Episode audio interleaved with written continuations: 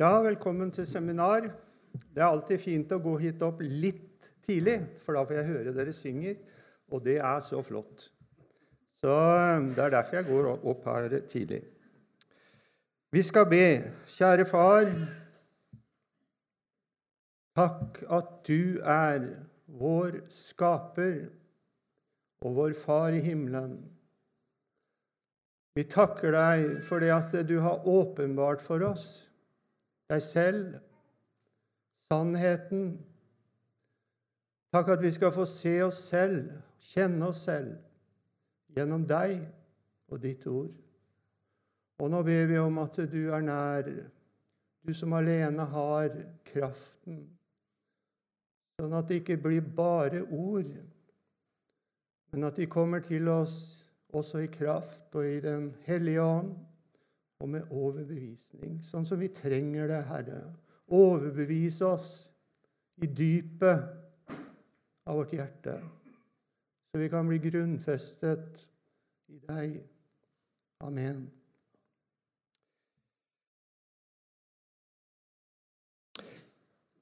I første eh, trosartikkel så I trosbekjennelsen så sier vi dette Jeg tror på Gud Fader, den allmektige, himmelens og jordens skaper. Det er godt for oss å ha Han som fundament og kilde for vår kunnskap, vår tro og vår tanke. Og disse seminarene de har to temaer maskulinitet og femininitet, ekteskap, et liv for hverandre. Og Nå blir det ikke sånn at eh, det ene kommer i dag og det andre i morgen, men dette her er noe som griper inn i hverandre, sånn at eh, begge temaene er med i begge timene. Ordene maskulin og feminin, eh, mannlig og kvinnelig, kunne vi også si, finnes jo ikke i Bibelen, men det er ord som brukes for å karakterisere forskjellige eller forskjeller i egenskaper og natur hos oss. Mannen er maskulin, og kvinnen er feminin. Det betyr ikke at alle menn er eller skal være like, heller ikke kvinner. Det beskriver ikke en rollemodell som alle skal passe inn i, et slags mannlig og kvinnelig ideal som alle skal leve opp til, for her er det store individuelle forskjeller mellom oss. Og det har jo mange forskjellige årsaker. En av dem er jo dette med temperament, som gjør at uh, vi er ikke like selv om vi er menn eller kvinner. Men så er det jo allikevel sånn at det er noe som er mannlig, og noe er kvinnelig, og som utgjør en kjønnsforskjell. Og det å kunne uttrykke Og nå sier jeg noe som på en måte blir selve kjernen i det som vi skal ta, være sammen om nå. Det å kunne uttrykke ulikhetene med den andres beste for øye, det er fantastiske muligheter til et liv for hverandre. Vi skal gå til Første Mosebok, og der leser vi jo i skapelsesberetningen Dette her er objektive sannheter eh, som vi får del i. Det er sånn det er, og det er sånn det skjedde. Første Mosebok 1, 26 og 27. Da sa Gud, la oss gjøre mennesker i vårt bilde, etter vår lignelse. Så går vi ned til vers 27. Og Gud skapte mennesket i sitt bilde. I Guds bilde skapte han dem, eller det. Til mann og kvinne skapte han dem. Her er det jo mange ting som jeg ikke kan gå inn på nå. Men jeg vil først eh, påpeke dette. Gud skapte. Mennesket, du og jeg, vi er en skapning blitt til av Han som skapte. Og Det står jo i Salme 33, 33,9.: For han talte, og det skjedde. Han bød, og det sto der. Gud talte, han bød, og så sto mennesket der, som han og hun. To kjønn som er skapt for hverandre. Og Når Jesus taler om dette i Matteus 19, som vi kan gå til nå Så ser vi det at han nettopp går inn i dette som som vi leser der i skapelsesberetningen, 19 og vers 4. Han svarte og sa, Har dere ikke lest at Han som skapte dem, fra begynnelsen skapte dem til mann og kvinne, og sa, Derfor skal mannen forlate far og mor og holde seg til sin hustru, og de to skal være ett kjød. Så er de ikke lenger to, men ett kjød. Derfor, det som Gud har sammenføyd, det skal et menneske ikke skille. Skapt til mann og kvinne, og derfor skal mannen forlate Altså, han skal eh, forlate det som var hans relasjon og Eh, sted før. Og så skal han holde seg til sin hustru, og derved så skal de være ett kjød. Å holde seg til, det betyr jo flere ting. Holde fast ved. Det betyr jo et samliv. Vi bruker et fint ord ekteskap. Det er et godt ord for dette å holde seg til. Men det å holde seg til, det betyr jo enda mer å være trofast, elske og ære. Det ligger jo dypest og sterkest i dette her. Et ekteskap, det er altså et sted for samfunn i kjærlighet. Og Så er det fint å legge merke til da at allerede her så står det jo så klart, så soleklart. Det står til mannen han skal holde seg til sin hustru, til sin kvinne. Det er så tindrende klart. Sånn er det fra skapelsen fra Gud, fra Guds hånd. Og sånn er det også nå.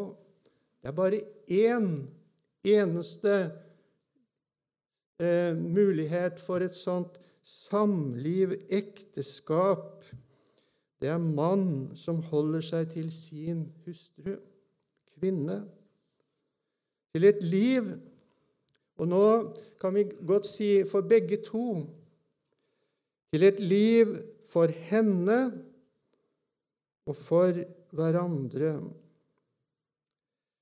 Og Når Jesus taler om dette, så legger han til derfor det som Gud har sammenføyd, det skal et menneske ikke skille. Og en betydning av dette ordet 'sammenføyd' Her er det jo også flere betydninger, men akkurat nå så er det fint å ta med denne betydningen det betyr å være tilpasset hverandre. Skapt med en forskjell som passer sammen.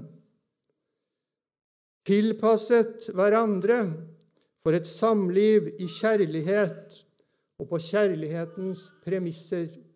Det er fantastisk å se det. Hvordan Gud har skapt mann og kvinne på en sånn måte at vi passer sammen. Og vi passer sammen på en sånn måte at vi kan leve i kjærlighet. Det finnes ikke noe finere enn det.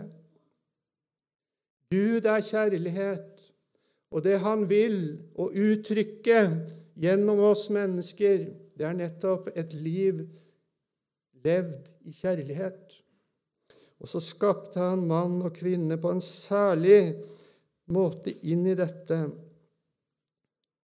Det er en gudgitt forskjell. Og I Salme 30, 139 vers 13 så leser vi dette. Du har skapt mine nyrer. Du formet meg i mors liv. Tenk det. Det er derfor jeg er en mann. Og derfor er jeg sikker på at jeg er en mann. For jeg er formet av Gud i min mors liv til å være mann. Og derfor er søstera mi en kvinne, for hun ble formet i den samme mors liv til å bli en kvinne og være en kvinne. Det er Guds ordning at det er sånn. Så er det godt for oss å leve i harmoni med det som vi er skapt til, som feminin eller maskulin. Jeg er maskulin. Så er det godt for meg å på en måte få leve innenfor dette på en god måte. Sånn er det også for en kvinne som er feminin. Skapelsen er et ordnet hele, gjort slik av Han som skapte alt. Og Det står jo så fint i Første Mosebok 1,39.: Og Gud så alt det han hadde gjort, og se, det var, var overmåte godt. Slik som det skjedde, og slik som det sto der, så var det overmåte godt. Mann og kvinne overmåte godt. Vi er, del, vi er en del av dette. Så er det sånn at å utforske og forstå det Gud har gjort, skaperverket som vi er en del av, det har vært menneskenes oppgave helt fra tidenes morgen. Det er jo ikke sånn at vi uten videre forstår alt det Gud har gjort. Men så har menneskene hele tiden arbeida og forsøkt mer og mer å tilegne seg dette som er Guds skaperverk, og som også berører oss så sterkt. Og det har vært gode tider opp gjennom historien hvor oppdagelsene har vært store og følgende gode, fordi det har ført til et liv mer i pakt med Guds skaperorden. Jeg vet ikke om du har tenkt på det, men vi har noe veldig fint. Vi har tiden. Der nede står det ei klokke, og den tikker ett sekund om gangen. Og den tikker helt i takt med alle andre klokker. Vi har, vi har her i, hos oss har vi den europeiske sentraltid, som er lik for, for så mange. Tiden Ja, hvorfor er det sånn? Hvorfor går klokka akkurat så fort som den gjør? Hvorfor er ett sekund så langt? Hvorfor er det 60 sekunder i et minutt? Og så videre. Alt det som har med tiden å gjøre. Hvorfor er det sånn? Jo, fordi det var noen som skjønte at tiden, den er kommet til oss fra himmelen. Det var en fantastisk oppdagelse. Og så skjønte de det, at dette henger jo sammen med skaperverket. Det henger sammen med jordas rotasjon og jordas gang rundt sola. Det er der tiden blir satt. Og så har vi tilpassa oss det, og så har vi fått ei klokke som, som tikker perfekt i takt med skaperverket. Tenk om det ikke hadde vært sånn. Det hadde vært totalt kaos. Sånn er det også i forhold til oss mennesker, mann og kvinne, han og hun. Slik sto Adam og Eva, alle menneskers opphav, nyskapt ved tidenes morgen. Så er det godt for oss å ha Gud og Hans ord og hans skaperordning og, ord, og orden som norm og forankring for liv og lære. Det gir oss sannheten om hvordan Han skapte oss, og hans gode hensikt med dette. Så gjelder det også i spørsmål om kjønn, identitet, seksualitet, samliv, ekteskap og i alle våre relasjoner. Så er det hos Gud vi finner sannheten, det gode. Vi har noe fast og sikkert å holde oss til. Vi har et feste for vår identitet i dette kaos som vi lever i i dag. Og det er hos Gud. Og det holder, holder i tid og evighet. Hva innebærer denne kjønnsforskjell? Eller kanskje vi heller skal si menns og kvinners unike egenart. Og her, når vi skal se på dette, så er det viktig at vi ikke ender opp med å beskrive forskjell i roller, rammer og ordninger som hver og en skal leve innenfor. Da vil vi heller spørre finnes det noe maskulint hos menn og feminint hos kvinner som kan komme til uttrykk på en slik måte at vi kan leve et liv til beste for hverandre. Jeg syns det er en flott vinkling på dette her. Vi trenger å få øye på de ulike og unike muligheter vi har til et liv for hverandre, fordi vi er maskuline og feminine. Å lære seg å uttrykke ulikhetene med den andres beste for øye er en mye bedre vei enn til stadighet å presisere roller og rammer Luther sier noe som stoppa meg her, og som jeg syns var veldig godt sagt. I lydighet holder mennesker seg innenfor rammer, men i frihet skaper mennesker nye rammer, vel å merke innenfor Guds rammer. Men vi må ikke bli sånne steilbente som liksom alltid skal kjøre på skinner. Men i et godt eh, samliv mellom mann og kvinne så vil det skapes nye rammer som er godt for et liv for hverandre. Jeg skal si bare noe kort om eh, disse to. Det feminine og maskuline, det er en gjensidig tiltrekning, en glede over hverandre som er god, som er av Gud. Denne tiltrekning til hverandre, det er det vi opplever når kona mi impulsivt uttrykker sin glede over å være min hustru. Fantastisk å oppleve det.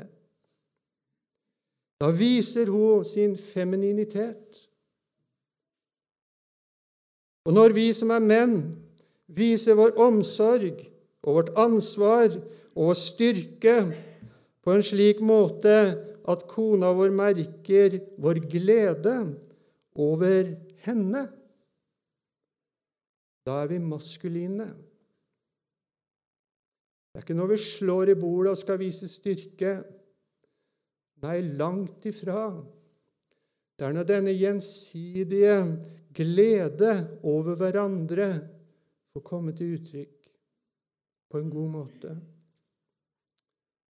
Når jeg sitter på kontoret mitt hjemme og jobber, mine egne tanker og i min egen verden, så kommer Irene inn med en marsipanhval. Det er det beste jeg veit, altså.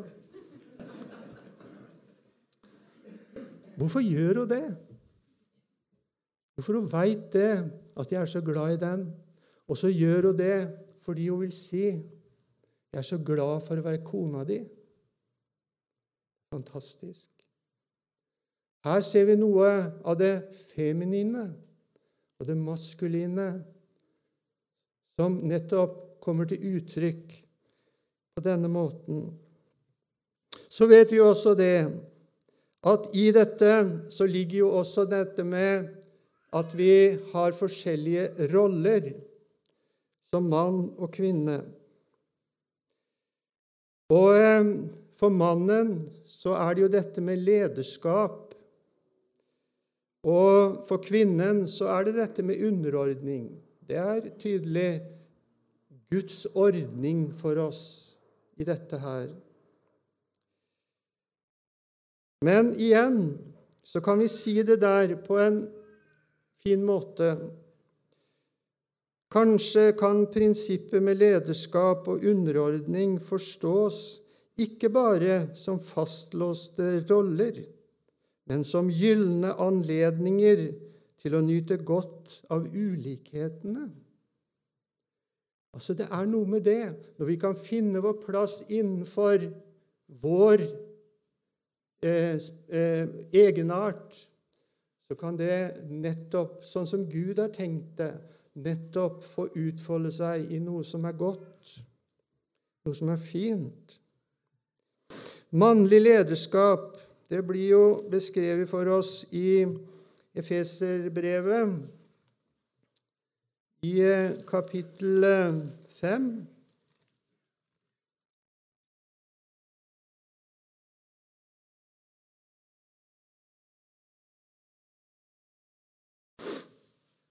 Tjuefem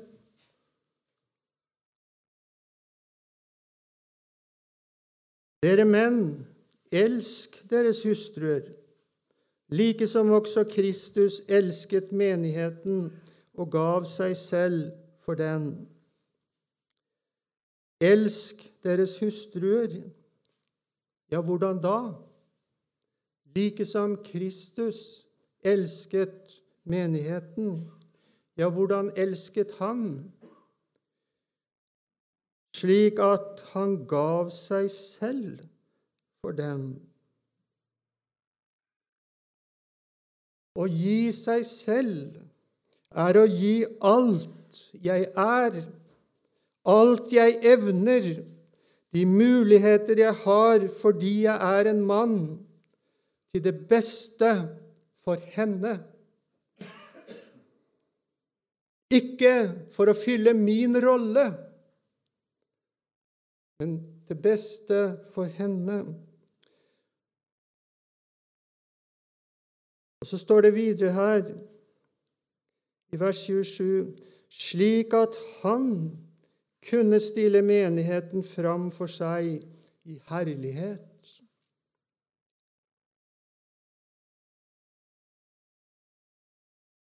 Og Da skal vi legge merke til dette. Alt det Jesus gjorde da han gav seg selv, det gjorde han altså for oss.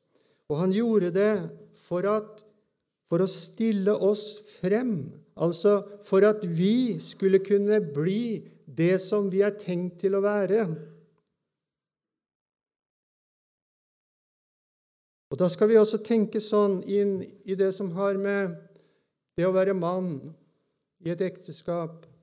Altså, jeg skal gi meg selv for at hun, min kone, kan bli den hun er tenkt til å være som kvinne.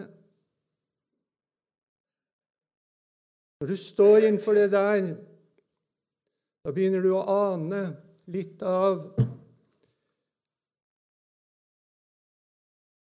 hvor håpløst dette er for meg.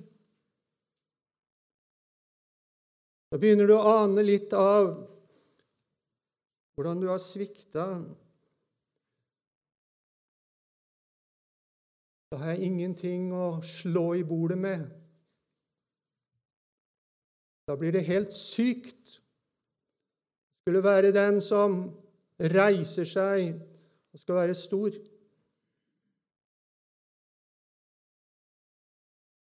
For at hun kan bli den hun har tenkt til å være av Gud, i livet med Gud og i hjemmet.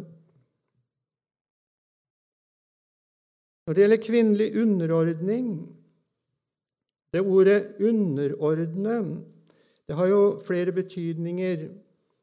Og én av betydningene, det er dette en autoritet til frivillig å stille seg til disposisjon. Det er veldig, veldig bra uttrykt. Altså dette her med at jeg kan villig stille meg til disposisjon. Du er min mann, og her er jeg, din hustru, for deg. Stille meg til disposisjon. Og det er å ta imot sin mann og gi meningsfull støtte til hans aktivitet på en måte som fremmer hans gudsliv, hans liv med Gud, og hjelper han til å bli den han er tenkt til å være av Gud åndelig og timelig. Her har vi litt av denne forskjellen i det med lederskap og underordning. Stille seg til disposisjon, frivillig, glad. Her er jeg. Vi er skapt til å relatere til andre mennesker. Og her er samlivet mellom mann og kvinne i ekteskapet det nærmeste og sterkeste. Og Gud vil at alle relasjoner skal se, skje i kjærlighet. Og ekteskapet Ekteskapet er den arena som klarest skal vise hva ekte kjærlighet er. Tenk på det. Ja, hvorfor blir det da ikke sånn i så mange tilfeller? Er det fordi vi har for lite innsikt, ikke forstår våre roller godt nok, mangler orden og disiplin? Nei, årsaken er den at etter skapelsen så skjedde det et syndefall. Synden kom inn i verden, inn i hvert menneske. Larry Grab han sier det sånn En sann forståelse av mennesket må fullt ut ta hensyn til både det fantastiske i dets høye verdighet og det grufulle i deres dype fall. Synd, det er jo alt som er mot Gud og det han har gjort og ordnet. Synd, det er det demoniske. For alt opprør mot Gud, det kommer jo fra djevelen. Og her er det noe som fremfor alt er det onde og ødeleggende når det gjelder relasjoner. Og det er selviskheten, det egosentriske. Med synden så kom egoismen. Og når egoismen og selvhevdelse styrer og er motivasjon i våre handlinger og i vår måte å relatere på, da har vi synd. Og følgene av det, det ser vi i Rombrevet 1. Nå skal vi gå dit. Romerbrevet, kapittel 1. Og vi leser fra vers 25.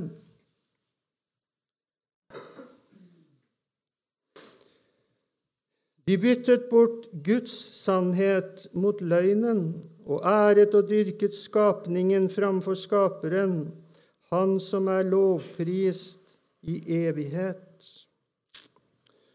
De byttet bort løgnen, eller Guds sannhet, med løgnen. Og hva var det det førte til? Jo, det sto videre her De dyrket skapningen eller de æret og dyrket skapningen fremfor Skaperen. Å dyrke skapningen, det betyr jo også at vi dyrker oss selv. For vi er også skapning. Å dyrke ego, for det er jo det som er meg.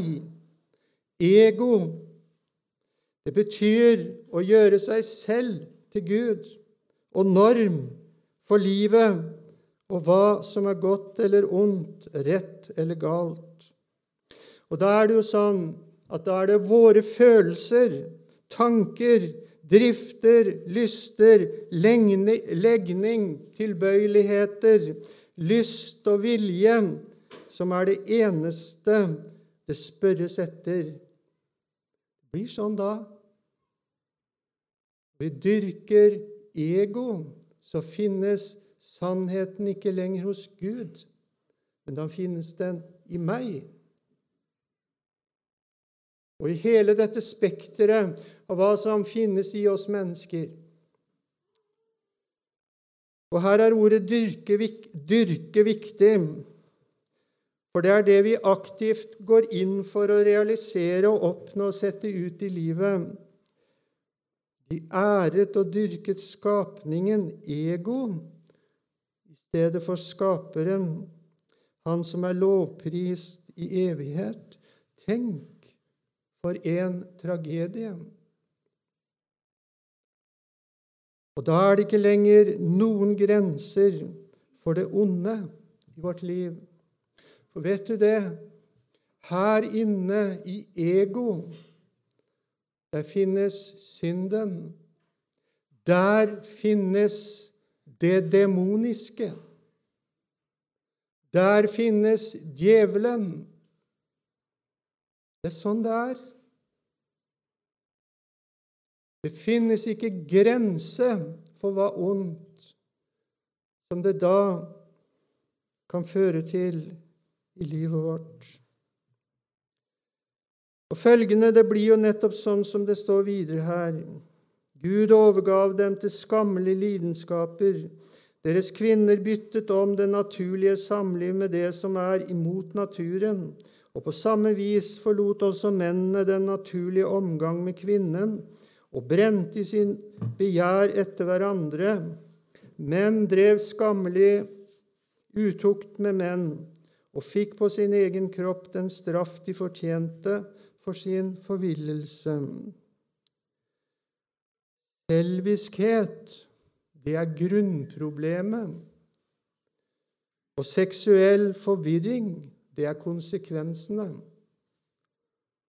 Sånn er det. Når du henter sannheten eller det du bygger på, fra deg selv, Og så begynner du å dyrke det. Altså, jeg føler, jeg har legning for Og så kommer alle disse tingene opp ifra avgrunnen. Og så begynner vi å dyrke det, og så er det ikke ende på hvor mye ondt som kommer over mennesket. Forferdelig. selvutslettende, ødeleggende, fordervende. Fordi ego er det vi dyrker. Men så må vi da ikke glemme at det stopper ikke med dette. Vi har nok lett for det i vår tid å fokusere voldsomt på denne her ugudeligheten som utfolder seg i vår tid. Men så står det da videre her Ettersom de ikke brydde seg om å eie Gud i kunnskap, så overgav Gud dem til et udugelig sinn, så de gjør slikt som ikke sømmer seg. De er fulle av all slags urett, står det. Ego. I dette ego så dukker det opp all slags urett. Så nevner han mange ting her men vi kan jo bare ta noen som på en måte vi kan plassere rett inn i ting som nettopp utfolder seg i så mange, mange ekteskap. Det står ondskap. Det står misunnelse. Det står baktalelse. Det står oppfinnsomme til ondt. Det står ubarmhjertige. Også det er en del av det demoniske. Og da oppdager vi plutselig at den demonen, den har også jeg i mitt kjød og i mitt ego. Å dyrke egoismen det fører til at den blir stadig verre, finner nye former, nye uttrykk, mer raffinert og utspekulert, stadig mer ondt og ødeleggende overfor en selv, ektefellen og andre. Guds vilje, det er det gode. Det er et Gud og min neste sentrert liv hvor det styrende og motivasjon i våre handlinger, det er det som vi kan kalle et utgivende liv. For Gud og for hverandre. Jeg er glad i det uttrykket. Jeg vet ikke om det er riktig helt norsk, men utgivende. Finner det på svensk utgivende, utgivende liv. Og så er det sånn at det er ikke mulig å stå og tale om dette som noe som er utenfor meg. Det angår oss alle. Det er arvesynden, og derfor er det umulig å tale om egoismen uten egne smertefulle erfaringer. Men så er det sånn at de fleste de ser ikke egoismen sin egen egoisme som noe problem, og slett ikke som årsak til noe ondt i relasjon med andre. Jeg leste en bok av en som jobba veldig mye med ekteskap og, og eh, ekteskapsterapi. Han sier det av alle de ektepar som har kommet til meg, så er det ingen som ser sin egen egoisme som årsak til problemene. Ja, hvordan er det egentlig med deg og meg? Ser vi egoismen vår som noe problem?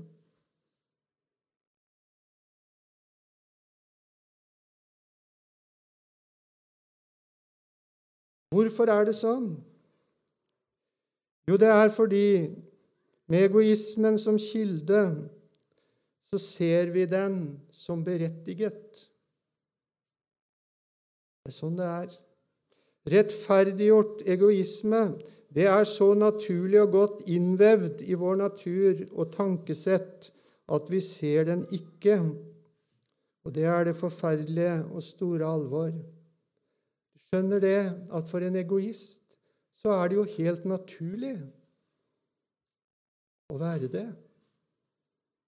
Og det er berettiget å være sånn. Det er de andre det er noe feil med, ikke meg. Hva kan få oss til å se vår selviskhet som den ondskap og urett og ødeleggende makt som den er i sannhet? det er når vi får Guds lys og sannhet inn i våre liv. Jesus sier det sånn i Johannes 8, 12. Jeg er verdens lys. Den som følger meg, skal ikke vandre i mørket, men ha livets lys. Det betyr jo lys inn i livet. Da ser vi den synden, egoismen, der den er, og hvordan den gjør seg gjeldende i vårt liv. Så er det jo også sånn at livets lys, det betyr også et lys som gir liv. Og nå er det sånn Jeg håper du har det sånn. Det gjelder for oss å oppsøke lyset, be Guds ånd åpenbare vår skade. Det er ingen løsning å komme seg vekk og flykte fra sannheten om synden i vårt liv. Vi forandrer ikke virkeligheten med å flykte fra den. Og Jesus sier videre i Johannes 12, 35, Den som vandrer i mørket, vet ikke hvor han går hen. Nei, altså hvordan jeg er hvordan livet mitt er. Når alt ligger i mørket, så finnes det ingen sannhetserkjennelse. Livet vi lever, den vi er, det vet vi ikke.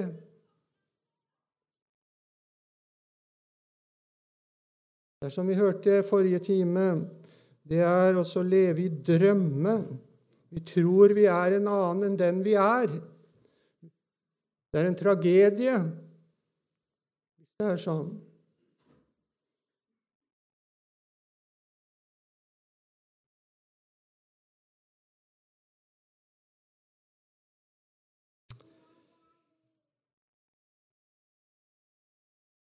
Ja, jeg vet ikke. Jeg har litt mer, men uh, nå er klokka halv ett, ser jeg. Skal vi holde på litt til, eller uh, skal vi bare sette strek her.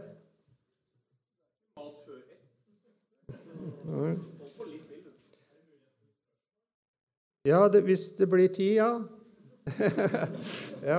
Men skal jeg ta én ting til, da? Så stopper jeg med det. Så fortsetter vi i morgen. Eh, Filippe-brevet Altså Når jeg sa det der med, at, eh, med Guds lys inn i livet vårt så er det fint å gå til Filippebrevet, kapittel 2.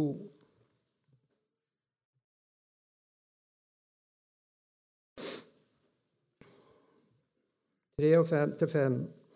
Gjør ikke noe av ærgjerrighet eller av lyst til tom ære, men akt hverandre i ydmykhet høyere enn dere selv. Ingen må bare se på sitt eget, men enhver må også ha de andres gagn for øye. La dette sinn være i dere, som òg var i Kristus Jesus. Og Det apostelen skriver her, det gjelder jo like mye i hjemmet som i menigheten, men det gjelder jo egentlig i alt som har med relasjon å gjøre. Gjør ikke noe av ærgjerrighet. Ærgjerrighet det betyr ganske enkelt at andre skal være til fordel for meg. De andre skal være til fordel for meg. På samme måte av lyst til tom ære. Da er jo nettopp motivasjon bak det vi gjør, det er å få ære for oss selv. Altså ego. Ego. Egosentrisk. Men så betyr dette ordet ærgjerrighet en ting til. Det betyr lavhet hos dem som ikke kan løfte sitt blikk mot høyere ting. Det var treffende. Ja, det er derfor vi holder på med dette her av egosentriske, fordi vi ikke kan løfte våre øyne mot høyere ting, mot det høye.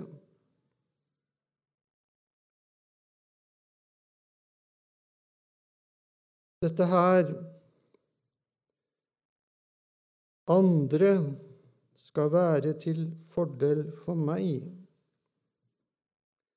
Når en mann bruker Bibelen for å hevde seg selv Han sier til kona si nå skal vi ta Bibelen og sette oss ned og lese hva det står om forholdet mellom mann og hustru. Underforstått hva du har å rette deg etter. Det finnes menn som mener at det viktigste for en kvinne, det er å finne sin plass. Du skal underordne deg meg. Det betyr jo også jeg skal være overordnet deg. Ikke sant? Du skal være til for meg. Det er den demoniske egoisme. På samme måte er det når kvinner bruker Bibelens ord om likeverd som forsvar og støtte for likestilling og selvrealisering. En selvrealisering som betyr å dyrke seg selv, hvor målet er hva vi kan få ut av livet for oss selv. Å bruke våre evner og muligheter til beste for meg selv. Det er også den demoniske egoisme. Det finnes virkelig en bedre selvrealisering både for menn og kvinner, og det er det vi leste her. Ingen må bare se på sitt eget, men enhver må også ha den andres gagn for øyet. Et liv hvor de andre står høyere for oss enn oss selv. Ikke bare se på sitt eget. Det er jo ikke galt å ha omsorg for seg selv, men ikke slik at vårt eget alltid har førsteplassen, men slik at vi også har de andres gagn for øyet. Altså noe vi ser etter aktivt og villig de andres gagn. Kona mi sin gagn. Familien. Menigheten. De andres gagn, det som er godt for dem, til kropp og sjel. Men ikke bare det, også åndelig. Ja, på hvilken måte? Jo, la dette sinn, tanke, innstilling, motivasjon, som også var i Kristus Jesus, være i dere. Ikke noe annet. Ikke noe mindre enn det. Dere som vil vite hvordan skal ha de andres gagn for øye, se på Jesus. Se på Jesus. Så får vi slutte der, og så bare fortsetter vi i, videre i morgen på dette her. Skal vi be litt. Kjære Jesus.